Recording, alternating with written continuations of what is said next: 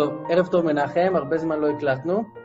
אה, אני רוצה לדבר איתך על הפרשות הראשונות של ספר בראשית. הפרשות הראשונות של ספר בראשית עוסקות בסופו של דבר באנושות, באדם, ומספרות לנו כל מיני סיפורים, ו...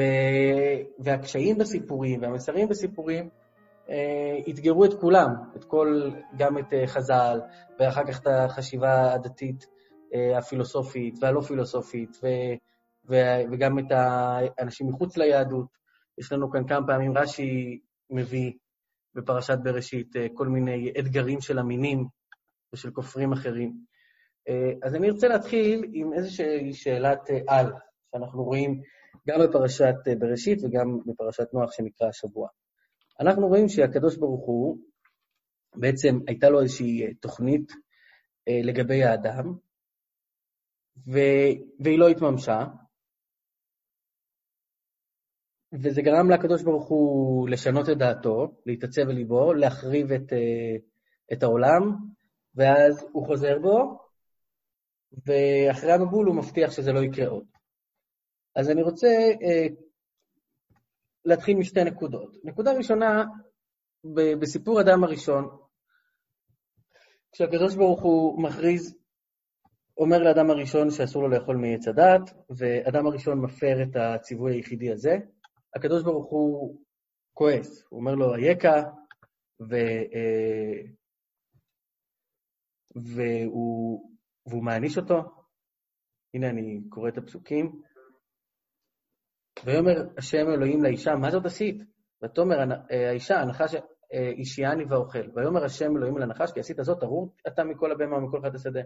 ויבשית, ולאישה אמר הרבה הרבה צבונך, ולאדם אמר כי שמעת לכל אשתך, ארורה האדמה, הוא האדמה ארורה בעבורך, ועיצבון תאכלנה כל ימי חייך, אבל מיד אחר כך הקדוש ברוך הוא, נקרא לזה במילים שלנו, מתעשת, ויעש השם אלוהים לאדם ולאשתו קטנות אור וילבשם, ואז גם יש את הפתרון אה, עם עץ החיים, שהוא שם את, אה, אה שהקדוש ברוך הוא שם את להט החרב המתהפכת.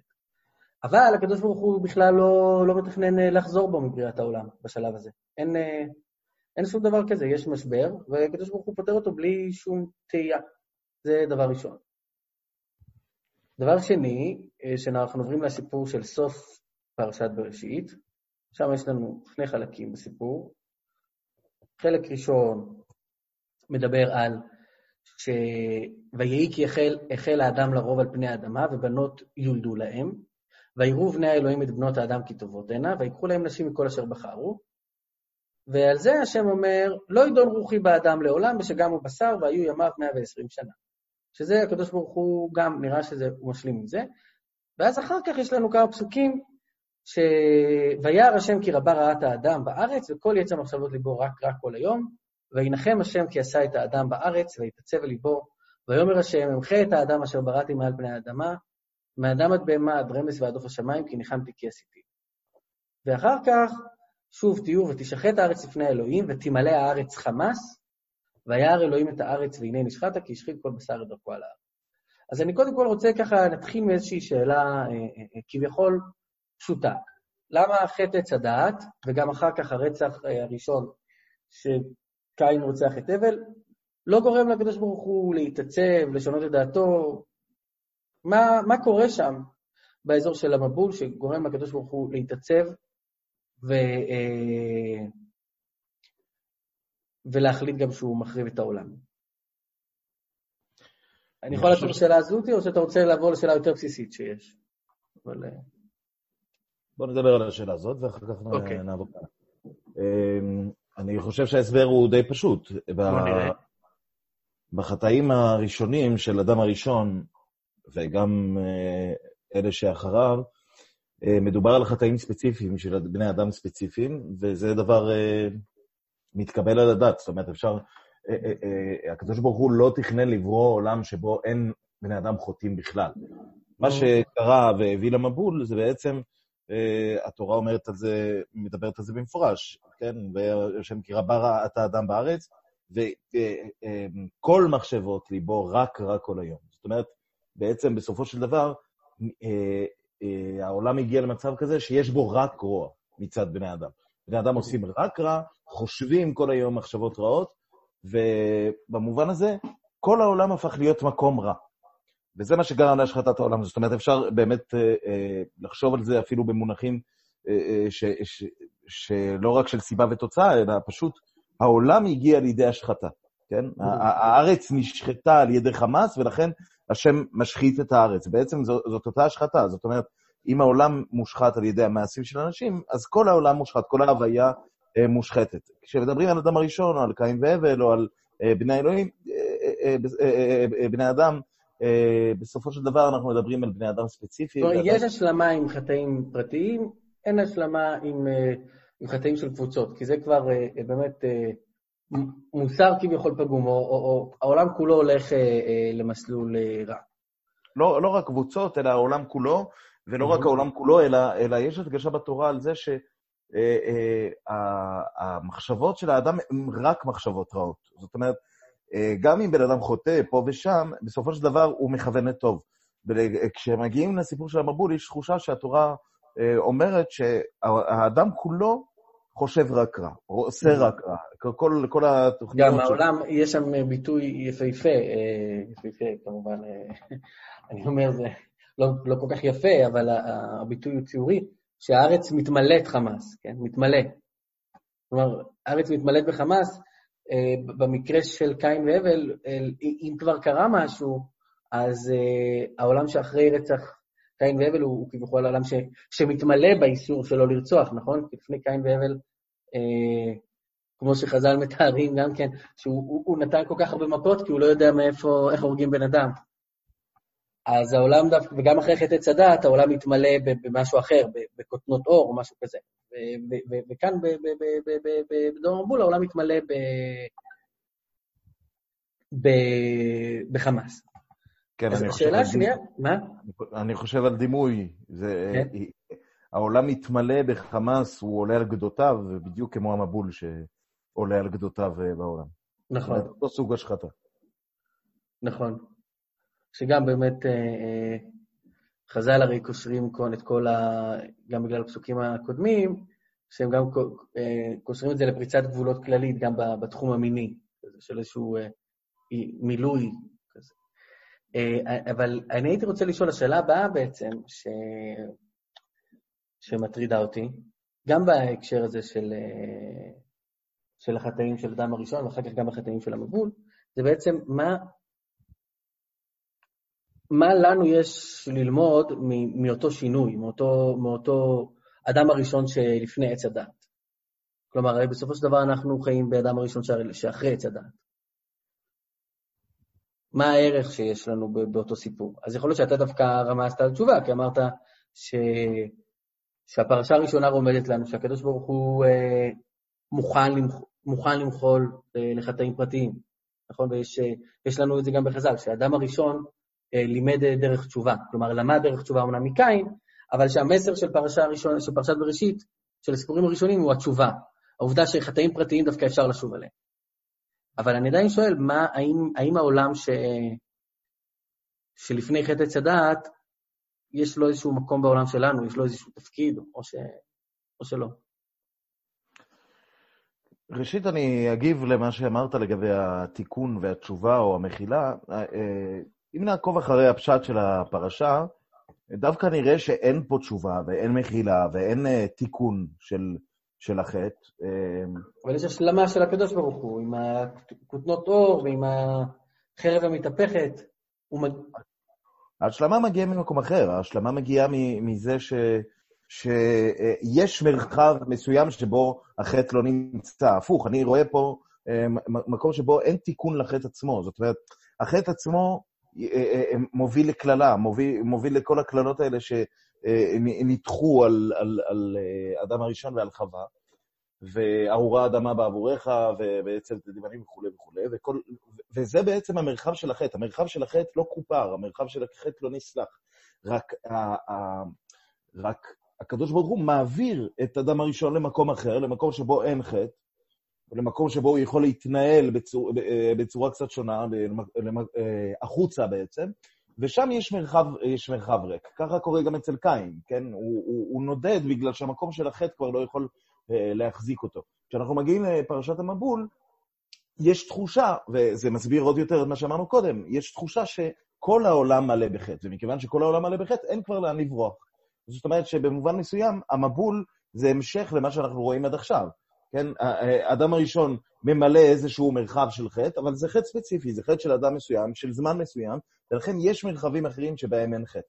כך גם אצל קין, כך גם בסיפורי ההמשך. במבול, מה שקורה לפני המבול, שכל העולם מתמלא בחטאים, ולכן okay. אוקיי. אין לאן לברוח יותר. ודווקא לא מדברים פה על תיקון ולא על תשובה ולא על מחילה, אני חושב שראוי לחשוב על השאלה הזאת בפני עצמה, אבל אני חושב שאנחנו אה, אה, אה, לא רואים פה סיפור... טוב, אז אולי, אולי המסר הוא בדיוק הפוך, אולי המסר הוא באמת על כוחו של מעשה האדם ועל כוחו של החטא לעצב עולם חדש, כן? כלומר... ברור, אני, אני חושב ש... אני חושב שצריך לדון על השאלה הזאת בפני עצמה, כי השאלה של אה, ההתחדשות של מושג התשובה וזה, היא, היא, היא, היא מושג, היא שאלה, ש, היא שאלה שיש לה משמעות מצד עצמה, ואולי היא באמת קשורה לשאלות שאנחנו שואלים פה. זאת אומרת, למעבר מהעולם שלפני המבול, המבול לעולם של... אוקיי, okay, אז בוא, אתה יודע מה, אז בוא, רגע אחד לפני שאני מגיע לפני המבול ואחרי המבול, אני אעשה את זה ב... באופן כזה. אה, עוד כביכול שאלה, שהיא כבר אפילו עוד יותר רטורית מהקודמת, אבל, אבל אבל יכולה כאילו להדגים לנו איזשהו משהו קטן. אה, אנחנו יודעים שהרצח של קין והבל מבוצע על, על רקע ש, ש, ששניהם מביאים קורבנות אה, להשם. ו, ודווקא שם זה, והקדוש ברוך הוא אה, גוער בקין מאוד. עכשיו, כלומר, קין והבל הם הראשונים שמקריבים קורבנות.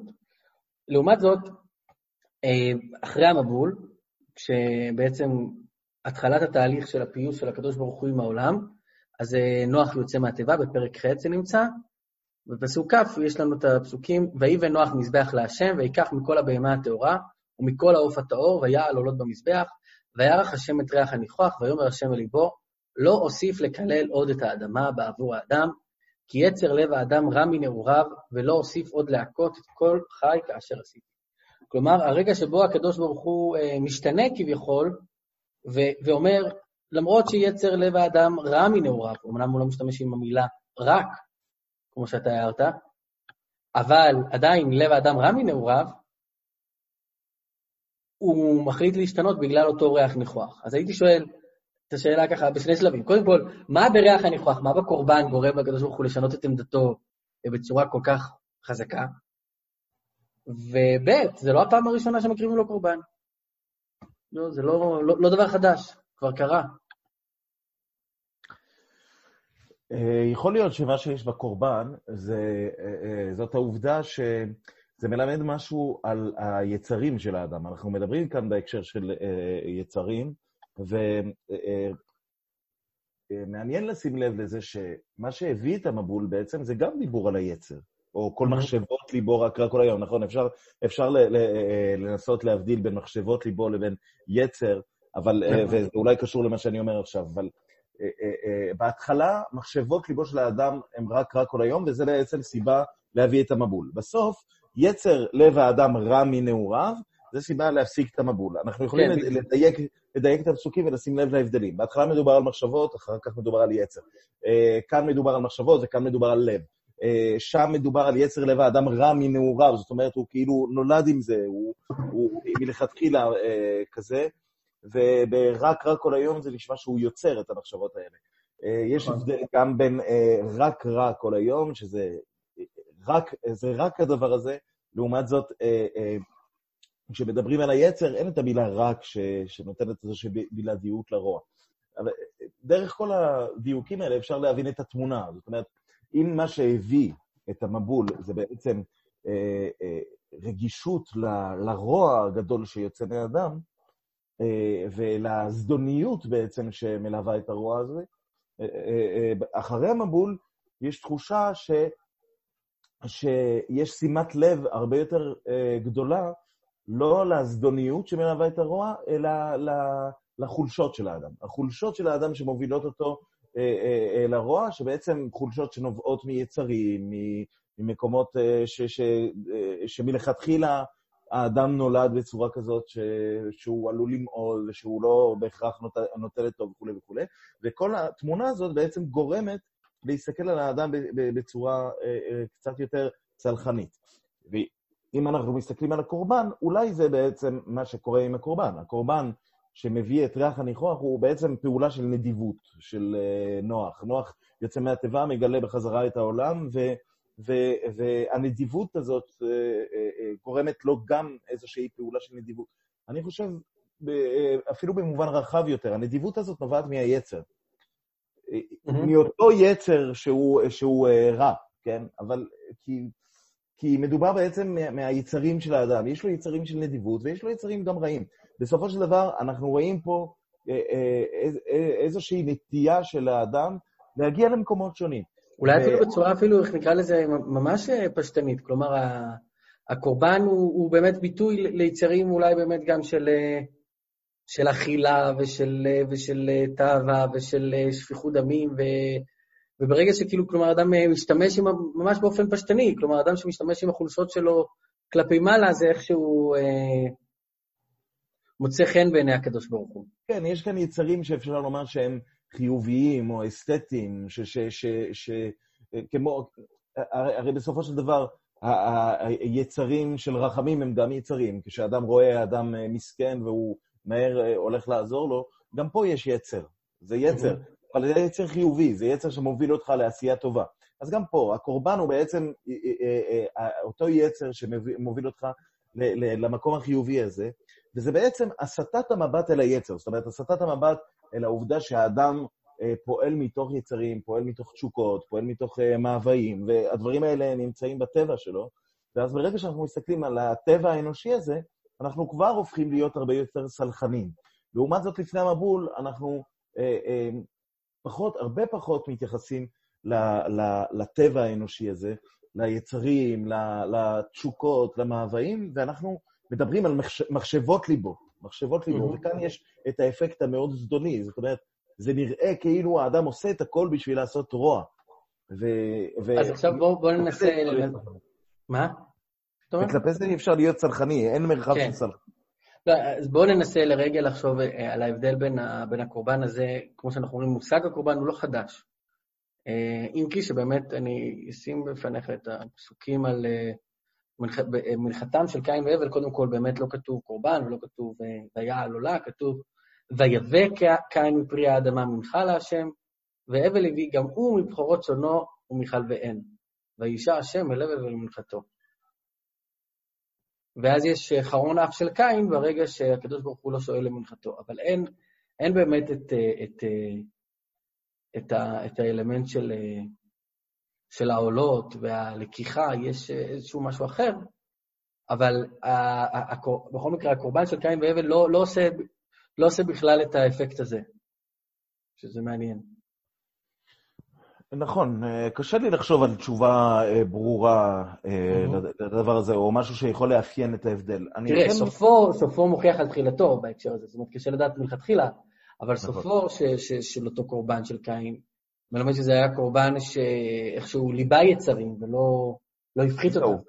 זהו, אם אפשר לחשוב על ההבדל, הוא בכיוון הזה. זאת אומרת, זאת אומרת, הקורבן של קין והבל, נראה שהוא אה, אה, אולי לא מגיע מהמקום, ה, ה, מהמקום של התשוקה הזאת.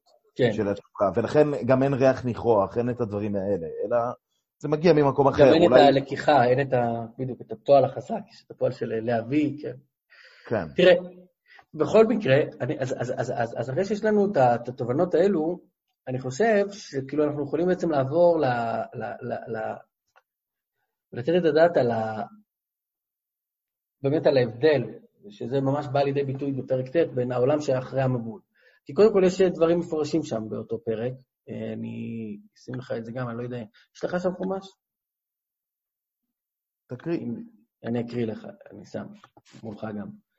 אה, אז קודם כל, מיד אחרי שהקדוש ברוך הוא מחליט שהוא לא יעשה את זה עוד פעם, ושיהיה קביעות של העונות, גם צריך גם להראות את זה, אותם, אה, עוד כל ימי הארץ, זרע וקציר וקור וחום וקיץ וחורף ויום ולילה לא ישבותו. כלומר, יש כאן בעצם איזשהו גם שינוי של הניהול של העולם. כלומר, העולם מתנהל באופן קבוע. אה, אולי יש כאן אמירה בכלל שהמעורבות של, של הקדוש ברוך הוא תהיה שונה, בדגם אחר בעולם. על פניו. ואז שוב את אותן ברכות שאנחנו מכירים, אבל כאן יש כבר uh, סטטוס בין, uh, בין בני אדם לבהמות והחיות. ומוראכם וחיתכם יהיה על כל חיית הארץ, ועל כל עוף השמיים וכל אשר תרמוס האדמה, וכל דגי הים בידכם איתנו. אה, אך בשר בנפשו דמו לא תאכלו, ואז כאן כבר מופיע איסור על רציחה, כן? אך אדמכם לנפשותיכם ראש, שזה איסור שלא הופיע בברכות הראשונות בבריאת האדם, רק אמרו להם פרו ורבו, לא, בכלל לא הטילו שום חוק מוסרי. כאן כתוב, שופך דם האדם באדם, דמו יישפך, כי בצלם אלוהים עשה את האדם. עכשיו, זה לא נאמר, ואתם פרו ורבו, שירצו בארץ ורבו בה. זה לא נאמר פרשת בראשית. עכשיו, ואני רציתי להגיע בעצם אולי לפסוק הכי דומיננטי, שאולי הוא מפתח להכל, ולשמוע ממך, להתחיל ממנו, ויאמר אלוהים אל נוח ואל בניו איתו לאמור, ואני הנני מקים את בריתי איתכם ואת זרעכם אחריכם, ואת כל נפש החיה אשר איתכם, ואופן אמר את זה, וכולי וכולי, והקמתי את בריתי איתכם, ולא יכרת כל בשר עוד ממי המבול, ולא יהיה עוד מבול לשחט הארץ. ויאמר אלוהים, זאת אות הברית אשר אני נותן ביני וביניכם ובין כל נפש חיה אשר איתכם לדורות עולם, את קשתי נתתי בענן, והייתה לעוד ברית ביני ובין הארץ. אז אני מנסה להבין בעצם את הברית, זה פועל שחוזר כאן כמה פעמים, שהקדוש ברוך הוא קוראת ברית עם בני אדם, לא רק עם בני אדם אגב, עם, עם היקום כולו, עם... והברית הזו נחרטת רק אחרי המבול. אה, כלומר, הקדוש ברוך הוא כן מברך את האדם בבריאת העולם, והוא כן מצווה אותו מכל עץ הגן אכול תאכל, ומעץ הדת טוב ורע לא תאכל, אבל הוא לא אומר, והוא רוצה לעזור לו, לא טוב ויודע אדם לבדו, אבל אין שם את המושג אה, ברית הכל כך מרכזי. אה, ואני מרגיש שכאילו, ברית זה, זה המפתח להבין את ההבדל בין העולמות. אז הייתי שמח לשמוע ממך. איך אתה מסביר בכלל את המושג הזה ברית? יש לי תחושה שהעולם שלפני המבול מתואר במונחים אה, קצת אה, אה, אנרכיים. אנרכיים במובן הזה שהכל נתון לשאלה מה אנחנו עושים. אה, אם האדם פועל נכון, אז הכל עובד נכון. אם הוא פועל לא נכון, הכל ייחרב. אז למה זה אנרכיה? לכאורה זה בדיוק חוק וסדר, לא? שיש תגובות ישירות למעשים. אנרכיה במובן הזה, זהו, אז זה, זה נוגד את האינטואיציה, ואני אסביר למה אני מתכוון אנרכיה. אנרכיה במובן הזה שהכל נתון לטבע, וגם הפעולות של האדם הן חלק מהטבע, כמו גם הפעולות של אלוהים. זאת אומרת, הכל מתרחש הכל מתרחש בתוך אה, אה, דינמיות כזאת של הטבע. אלוהים בורא, אלוהים יכול להחריב. אם האדם עושה משהו, אז כל ההוויה יכולה להשתנות, כל היקום יכול להשתנות. אה, אין, דברים, אין דברים שהם אה, אה, מסודרים, אין דברים שהם אה, עומדים על תילם, אין, אין אה, איזשהו טבע שאנחנו יכולים לבטוח בו, איזה שהם עוגנים. איזה שהם עוגנים שאנחנו יכולים... כלומר, אתה באמת נותן את המשקל דווקא על הפסוק האחרון בפרק ח'. עוד כל ימי הארץ, זרע וקציר וקור וחום וקיץ וחורף, ויום ולילה לא ישבותו. המעבר לאיזשהו עולם שיש בו מסגרת חוקית שמתנהלת כל הזמן, כלומר, העולם שאחרי המבול זה בעצם העולם ש... שהשמש, אה, כל מיני, כל מיני אנשים בשואה תמיד מתארים את זה, ש... וגם יש לנו עוד מקומות שכאילו, הם מצפים שבאיזשהו שלב איתני הטבע יאמרו די, שהשמש אה, לא תשקע או לא תזרח ושום דבר אה, לא קורה. אתה אומר, זה, זה בעצם העולם שאחרי המבול. העולם זה העולם ש... שאחרי המבול, וזה מה שבא לידי ביטוי גם בברית. המושג של הברית הוא בעצם מושג של חוזה. מה הפירוש חוזה? חוזה זה אומר שאנחנו אה, מסוגלים לומר, מסוגלים לקבוע על איזשהו מרחב שבו יש יציבות. זאת אומרת, מה שקורה לא יזיז את החוזה. זה בעצם המשמעות של חוזה. בדיוק כמו היציבות של העונות, היציבות של הטבע, יש יציבות גם בברית.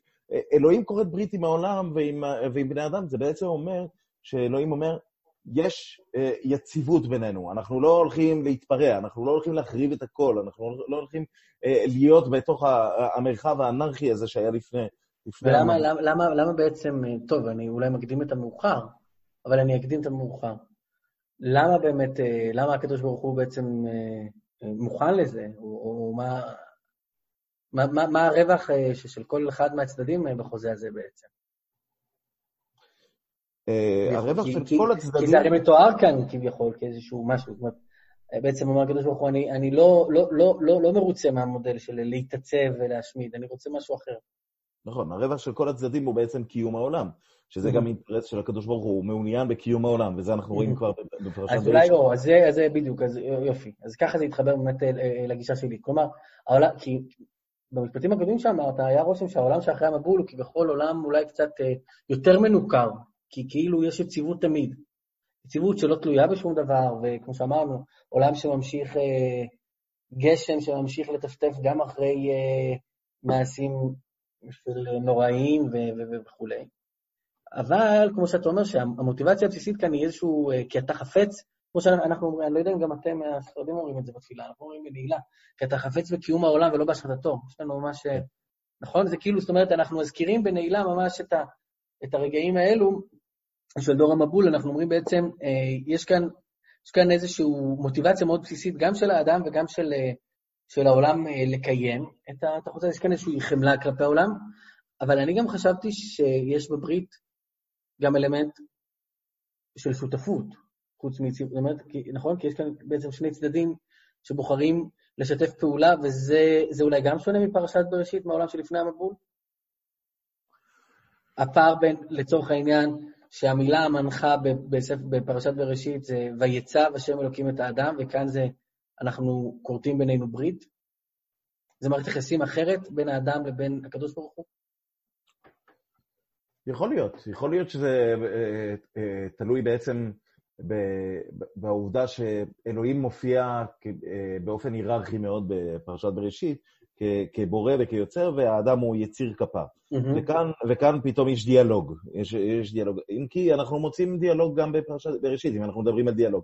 אני חושב שחז"ל אה, אה, מדברים על שותפות במעשה בראשית. Mm-hmm. על, על שותפות במעשה בראשית, וזה דווקא מתקשר לפרשת בראשית בעיניי, רק אולי, אולי צריך, אני חושב שיש מושג של שותפות דווקא בפרשת, גם בפרשת בראשית, רק צריך להבדיל אולי בין שני סוגים של שותפות. השותפות בפרשת בראשית, השותפות לבריאה בעצם אומר שהאדם במובן מסוים הוא כמו אלוהים. זאת אומרת, יש לו יכולת להשפיע על הבריאה באופן טוטאלי. ולכן, אם הוא חוטא, הוא מחריב. הוא יכול ליצור את העולם ויכול להחריב אותו. הברית, במובן מסוים, אני, אני, אני תופס את זה קצת במובן שונה. זאת אומרת, השותפות שיש כאן בין אלוהים לאדם, זה שותפות שכל אחד הולך קצת אחורה. זאת אומרת, אלוהים מגביל את הכוח שלו, ובני אדם מגבילים את הכוח שלהם. למרות שלבני אדם הוא נותן כביכול יותר ממה שהוא נתן להם בעבר, הוא נותן להם את, ה, את היכולת אה, אה, אה, לאכול בעלי חיים, אבל אולי... נכון, אבל אולי אתה צודק שכאילו האדם, האדם, האדם כאילו אולי מגביל את, ה, את השאפתנות שלו, הוא כבר לא וייתם כאלוהים, הוא, הוא, הוא כבר הוא כבר מראש אין שאיפה שהוא יהיה כל כך אה, מוסרי. בדיוק. ומה, אבל מה שמתגלה כאן זה בעצם שהאפשרות הזאת ל, ל, אה, קצת ל, ללכת אחורה, זאת אומרת, קצת להגביל את, ה, את היכולת האינסופית הזאת, גם של אלוהים וגם של האדם, היא מתגלית כזאת שהיא יכולה לקיים את העולם. זאת אומרת, בסופו של דבר ההגבלה הזאת היא זאת שמאפשרת אה, מרחב, היא זאת שמאפשרת אה, אה, דווקא קיום. אנחנו רואים שפרשת בראשית בעצם, אה, בעצם מספרת לנו על איזשהו קיום שבגלל שהוא קיום אה, אה, טוטאלי, בגלל שהוא קיום שיכול ללכת עד הסוף, אז הוא לא יכול לקיים את עצמו. לעומת זאת, הקיום פה, ש, שמגביל את הכוחות שלו, ש, שאומר, יש לנו גבולות, הט, הטבע מציב לנו גבולות, החוזה מציב לנו גבולות, ה, יש גבולות באופן כללי, mm-hmm. זה מה שמאפשר את הסלחנות הזאת כלפי העולם, וזה מה שמאפשר בעצם לעולם להמשיך ולפעול גם עם השערוריות והזוועות הגדולות ביותר כן, אז תראה. לא, אז השאלה האחרונה שבעצם הייתי רוצה לשאול, שזו השאלה של אה, המינים בעצם. הם שאלו את זה על, החלק הראשון, רש"י מביא את זה בסוף אה, פרשת בראשית, שאל גוי אחד את רבי יהושע בן קורחה, אמר לו, אין אתם מודים שהקדוש ברוך הוא רואה את הנולד? אמר לו אין, אמר לו והכתיבה יתעצב בליבו. הם שואלים איך הקדוש ברוך הוא חזר בו מבריאת העולם ורצה להחריב את העולם. והוא אומר לו, בסדר, מה, אמר לו, נולד לך בן זכר מימיך? אמר לו, אין. אמר לו, מה עשית? אמר לו, שמחתי ושימחתי את כולם. אמר לו, ולא ידעת שהבן שלך הולך למות? אמר לו, מה זה קשור? כשאני שמח אני שמח, כשאני עצוב אני עצוב. כלומר, כלומר רבי יהושע בן כוחא בעצם אומר לנו תשובה, ו, ולמעשה זה ברור, ש, זה, ברור שהוא, זה ברור שהתשובה שלו היא, היא, היא נכונה, שהרי הסיפור של המבול כתוב לנו כנראה בשביל אה, ללמד אותנו משהו. כלומר, אם היה אפשר להתחיל ישר מבריאת העולם של המבול, לא, התורה הייתה יכולה להתחיל ישר משם. אז אה, זה ברור שהתורה באה לומר ש, שבהתחלה הקדוש ברוך הוא ברא את העולם, אחר כך חזר בו, אחר כך עשה מבול, ואחר כך חזר בו שוב מהרעיון של לעשות מבול. ואני, בתור, לא הייתי מקשיב לאותה תשובה של בין ככה, לא הייתי שואל את השאלה של איך הקדוש ברוך הוא חוזר בו. הייתי שואל, אז מה אנחנו, למה, למה, למה הדברים נראו באופן הזה? זאת אומרת, או מה הערך שלנו היום לדעת על אותה אה, כרונולוגיה של יחסי אדם והקדוש ברוך הוא. מה אנחנו לומדים מאותו שינוי, שאנחנו מנסים להגדיר אותו מעבר, מעבר, אתה קראת לזה, אה, מאנרכיה להיררכיה, או, מ, או, מ, או משותפות נוקשה לשותפות יותר גמישה, מה הערך שלנו בזה? מה, או נשאל את זה, או אפשר לשאול את זה באופן אולי יותר קל, שכבר כאילו שהוא נותן איזשהו מקום לתשובה. איזה מקום יש לעולם שלפני המבול בעולם שלנו? כן, אה, בשביל לגשת לשאלות האלה, אני חושב שהשאלה של אה, אותו מין היא חשובה, בגלל שהיא שואלת את הפשר של, חרת, אה, של החרטה של אלוהים. מה, מה הפירוש להתחרט על העולם? ואני חושב שנצרך מאוד לגשת על הפרשיות האלה בצורה טיפה סימבולית. זאת אומרת, שתי הפרשיות האלה, בראשית ונוח, בעצם מציבים בפנינו שני מודלים אפשריים של העולם. כן? עכשיו, אין כאן רק שני מודלים, אנחנו יודעים שבפרשת בראשית יש אה, מודלים אחרים, כן? פרק א' ופרק ב' של פרשת בראשית הם, שני, נכון. הם גם שני מודלים של העולם. אה, אה, יש לנו הרבה מודלים כאן של העולם, ובמובן הזה, הזה אפשר לדבר על המודל של העולם לפני המבול והמודל של העולם שלאחר המבול. ואנחנו מדברים בעצם על סיפורים, סיפורים גדולים, שאנחנו, שהתורה מציבה את שניהם, והתורה אומרת שסיפור אחד נדחה מפני הסיפור השני. אבל אה, גם אם הוא נדחה, הסיפור הזה, אולי כרונולוגית, אולי מהותית, אה, הסיפור שלפני המבול צריך להתרים את הסיפור של אחרי המבול. במובן הזה... טוב, בוא, ש... אנחנו בעולם של אחרי המבול, בוא, היה, היה לפחות, לפחות, אה, לא יודע, אולי אני מגזים, אבל לפחות איך ש... שחונכתי, אני חושב שהיו, מאז המבול ועד היום היו זוועות שעבורם הקדוש ברוך הוא שלפני המבול היה מביא מבול.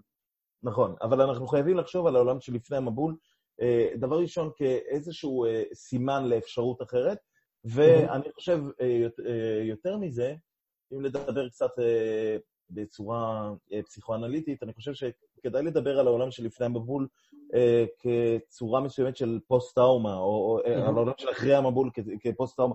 העולם שלפני המבול הוא סוג של הטראומה שלנו כאנושות. זאת אומרת, אנחנו, האנושות של היום, חיה בצל הטראומה של לפני המבול. אולי טראומה חיובית גם במובן שאת אומרת, מכווינה אותנו מוסרית? זהו, וזה לזה אני חושב. כאילו, כלומר, עם כל כמה שאנחנו סומכים על, ה, על הברית ועל הקשת, אנחנו, אנחנו זוכרים את הקשת, כן? כלומר... לזה אני חותר, שבסופו של דבר העולם של אחרי המבול, אה, אה, כמו שאנחנו אולי רואים לפי פרשנויות, פרשנויות מסוימות בדור הפלגה, אה, אה, העולם של אחרי המבול יכול להיגרר לאיזושהי אדישות מוסרית, אה, אה, אדישות כלפי העולם. בגלל שאנחנו בטוחים שהעולם ימשיך הלאה. נכון, כמו שאתה תיארת, יציבות של אה, קיץ חורף. כן. נכון. יש יציבות, יש יציבות בעולם, אנחנו יכולים לעשות שואה ואנחנו יודעים שהעולם ימשיך הלאה, שום דבר לא יקרה. אמ, אה, רק הטבע יישאר. אה, יש קטע מאוד מאוד יפה של לוינס בחירות קשה, שבו הוא מדבר על החוויה שלו בשואה במחנה העבודה, ושם הוא מדבר על בובי, הכלב, שהיה שם, שהוא היה הקנטיאני האחרון בגרמניה, נכון. הקנטיאני האחרון בגרמניה, בגלל שהוא היחיד שעדיין ראה בהם בני אדם, בשעה שכל תראה, בני אדם... תראה כמה זה אירוני, כי בעצם במונחי, במונחי, אה, במונחי פרשת נוח, זאת אומרת, יש עוד הרבה הרבה מרחקים, כי מבחינת פרשת נוח, אה, הברית כרותה גם עם, ה... גם עם הכלב. זאת אומרת... נכון, הכלב הוא חלק מהטבע. כן. וזה מה שאירוני כאן, כי דווקא האדם עושה את השערוריות הגדולות ביותר, אבל הכלב, שבמובן מסוים הוא חלק מהטבע, מבחינתו, מבחינתו יש עדיין פרספקטיבה מוסרית, יש עדיין בני אדם, יש עדיין את, ה, את, ה, את הצו שלא תרצח, דווקא אצל הכלב, לא אצל האדם. נכון. וזה אולי ההדהוד של, של, של, של מה שיש לפני המבול. זאת אומרת, יש כאן איזושהי שמירה על, שמירה חיונית של אותה טראומה, של האפשרות של, ה, של, ה, האפשרות של המבול. זה בעצם מה שבא לידי ביטוי בקשת. הקשת בעצם מזכירה את המבול, ובעצם אומרת אה, אה, בשלבים מסוימים, תשמעו, מבול זאת אופציה, יש אפשרות כזאת, יש טראומה כזאת, יש טראומה כזאת, וזה אה, משהו שאמור אה, אה, אה, לגרום לנו לחיות תמיד את המתח הזה, שלמרות שהעולם נראה לנו יציב, אנחנו תמיד צריכים לחזור אל, ה, אל, ה, אלא בסדר, אני חושב ש... אני חושב שסיימנו באיזושהי נקודה אה, ככה אופטימית אבל מאתגרת. זאת אומרת שאנחנו יכולים אה, לסמוך אה, באופן ודאי על היציבות של העולם, אבל אנחנו כל העת אסור לנו להיות שאננים מבחינה מוסרית, ו- ולדעת שבסופו של דבר הקדוש ברוך הוא מתעצב אל ליבו, ו- וגם לפעמים אולי אומר אמחה את היקום רק כשהוא, רק כשהוא מקיים את הברית. זאת אומרת, יש לנו כאן יציבות חזקה מאוד, אבל מצד שני, הדחף להתקדמות מוסרית, להשתפרות מוסרית, או לפחות לבריחה מעוולות מוסריות, אה, צריך להיות חזק כמו בעולם של אה, פרשת בראשית. נכון, שים לב שיש לזה קשר ל... למתח של צדיק ורע לו ורשע וטוב לו. זאת אומרת, בעולם שלפני המבול נראה שיש קוהרנטיות מוחלטת בין הצדקות, הטוב וה, והרשע והרוע. יפה. ו... אני אומר יפה, כי אני פתאום חושב שזה כאילו איזושהי תשובה ככה אה, מאוד של משפט אחד ויפה של הצדיק ורע לו ורשע וטוב לו. כי בעצם צדיק וטוב, צדיק וטוב לו ורשע ורע לו זה עולם של אה, לפני המבול. נכון. זה עולם בעצם ש, ש, שמגיע בסופו של דבר אה, למבול. לחורבן. זאת אומרת, כן. בשביל לקיים את העולם, בשביל להחזיק את העולם, אנחנו חייבים להיות באיזשהו... אולי, אולי זו ההדגמה, אולי זו, זו עוד, עוד, עוד סיבה לכך ששני הפרשיות האלה נכתבו בסמיכות ומראים לנו מה, מה הוא, איך נראה העולם שבו הענישה סמוכה לעבירה. אוקיי, תודה רבה.